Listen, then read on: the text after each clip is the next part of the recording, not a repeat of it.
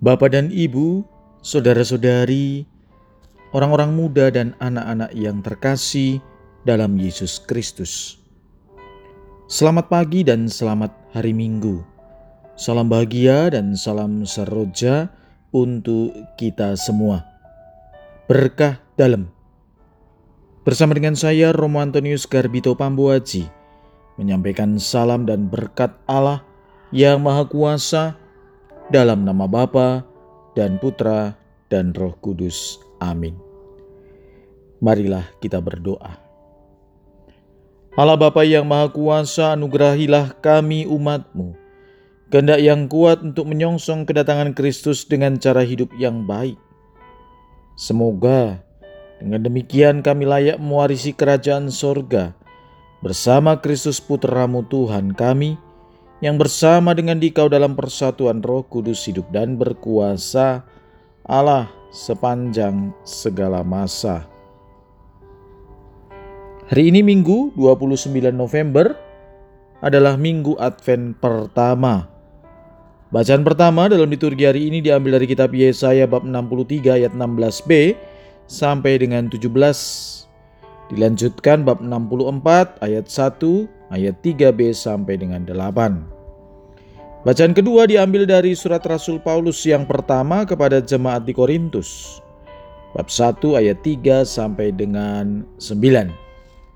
Bacaan Injil diambil dari Injil Markus bab 13 ayat 33 sampai dengan 37. Marilah saudara-saudariku kita mendengarkan Injil Yesus Kristus menurut Markus. Sekali peristiwa Yesus bersabda kepada murid-muridnya, Hati-hatilah dan berjaga-jagalah sebab kamu tidak tahu bila mana waktunya tiba. Ibaratnya seperti seorang yang bepergian yang meninggalkan rumahnya dan menyerahkan tanggung jawab kepada hamba-hambanya, masing-masing sesuai dengan tugasnya dan memerintahkan supaya penunggu pintu berjaga-jaga. Karena itu berjaga-jagalah, sebab kamu tidak tahu bila mana tuan rumah itu pulang. Menjelang malam atau tengah malam, atau larut malam atau pagi-pagi buta. Hal ini kukatakan supaya kalau ia tiba-tiba datang, jangan sampai kamu didapatinya sedang tidur. Apa yang kukatakan kepada kamu, kukatakan kepada semua orang, berjaga-jagalah. Demikianlah sabda Tuhan, terpujilah Kristus. Bapak, ibu, saudara-saudari, orang-orang muda, dan anak-anak yang terkasih, sabda Tuhan dalam Kitab Suci hari ini mengajak kita merenungkan tema kesetiaan untuk senantiasa berjaga-jaga dan waspada agar hidup kita tidak kehilangan arah demi masa depan kita. Perjalanan Advent selama empat pekan dimulai. Kita tahu, seperti biasa, ditandai dengan penyalaan lilin Advent. Dan lilin ini punya makna-makna sesuai dengan apa yang menjadi hiasannya. Pertama, rangkaian daun cemara yang terbentuk dalam lingkaran. Kedua, empat buah lilin yang terpasang. Ketiga, tiang untuk menopangnya. Rangkaian ranting dan dedaun hijau melambangkan hidup manusia yang saling berjalin. Kita hidup dalam satu persekutuan jemaat yang saling berhubungan, saling terkait, bersaudara, saling membutuhkan, saling membantu. Lilin melambangkan jalan terang yang mengusir segala kegelapan, juga melambangkan sarana-sarana kebaikan yang memperkokoh persatuan jemaat, pun pula melambangkan Kristus sendiri, Sang Cahaya Sejati. Lilin berjumlah empat, menandakan empat minggu kita mempersiapkan diri menyambut kedatangan Kristus.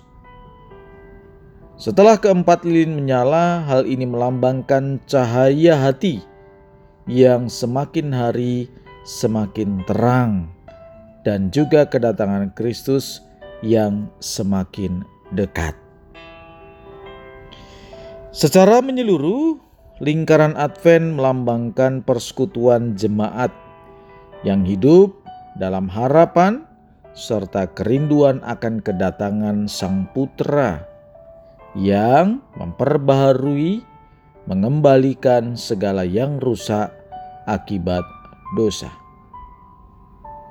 Saudara-saudari, sering kali kita sadar atau tidak sadar mengungkapkan sebuah kalimat menunggu adalah pekerjaan yang tidak menyenangkan. Menunggu sering kita lakukan dalam kehidupan ini ada yang menunggu dengan santai, ada yang menunggu dengan harap-harap cemas, bahkan ada yang menunggu sampai dengan bosan. Menanti sesuatu yang tidak jelas tentang kapan terjadinya memang membuat orang mudah mengira-ngira atau berspekulasi.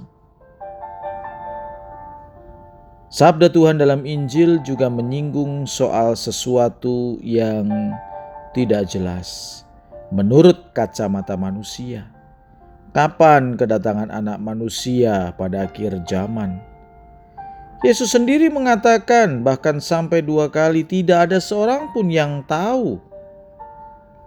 Berkaitan dengan yang tidak jelas kapannya itu, Yesus justru jelas-jelas berpesan berjaga-jagalah. Pesan itu tidak hanya bagi para murid, tetapi juga bagi kita. Yang paling penting adalah bahwa siapa yang dinantikan sudah jelas, Dia adalah Yesus, Sang Mesias. Saudara-saudari, dalam perumpamaan Injil hari ini digambarkan sebagai tuan yang pergi ke luar negeri menyerahkan tanggung jawab pekerjaan kepada hamba-hambanya, kalau siapanya sudah jelas, dia adalah Yesus. Maka sikap yang perlu ditunjukkan adalah bagaimana itu berjaga-jaga. Secara fisik, berjaga-jaga itu bukan tidur. Dalam pengertian ini kita tentu ingat akan pesan Yesus bagi ketiga muridnya, Petrus, Yakobus, dan Yohanes, yang diajak untuk pergi menemani dia di Taman Getsemani. Mereka tidak sanggup berjaga-jaga, tapi tidur. Secara rohani, berjaga-jaga berarti berdoa, tak kunjung henti. Maka Yesus berpesan kepada mereka agar berdoa supaya tidak jatuh ke dalam pencobaan. Mengapa kita lemah dalam berjaga-jaga? Sebab bisa jadi karena merasa bukan kebutuhan dan tidak mendesak. Kedatangan Yesus pada akhir zaman menjadi sesuatu yang abstrak, sulit dipikir dan bahkan tidak terpikirkan. Berjaga-jaga menurut kesetiaan dan kewaspadaan. Tuntutan ini dapat diwujudkan dalam tanggung jawab hidup kita sehari-hari apa pun yang kita lakukan, jika kita jalankan sepenuh hati merupakan wujud kesetiaan dan kewaspadaan kita. Inilah yang namanya berjaga-jaga. Sepenuh hati bukan berarti lalu kita menenggelamkan diri dalam pekerjaan dan profesi kita sehingga sibuk dan lupa. Tuhan yang digambarkan dalam Injil meninggalkan tanggung jawab pekerjaan kepada para hambanya. Kita pun dipercaya untuk hidup secara bertanggung jawab lewat berbagai jenis pekerjaan dan tugas kita masing-masing. Maka dengan demikian berjaga-jaga bukan pasif, tetapi aktif dan positif sambil menatap masa depan hidup. Mari saudara-saudari, kita berdoa dan bekerja sebagai bentuk sikap berjaga-jaga. Marilah kita berdoa. Kami mohon ya Tuhan, semoga misteri yang kami rayakan mendatangkan keselamatan bagi kami. Ajar kami untuk tetap merindukan harta surgawi di tengah suka duka ini. Demi Kristus Tuhan dan pengantara kami. Berkat Allah yang Maha Kuasa, dalam nama Bapa dan Putra dan Roh Kudus. Amin.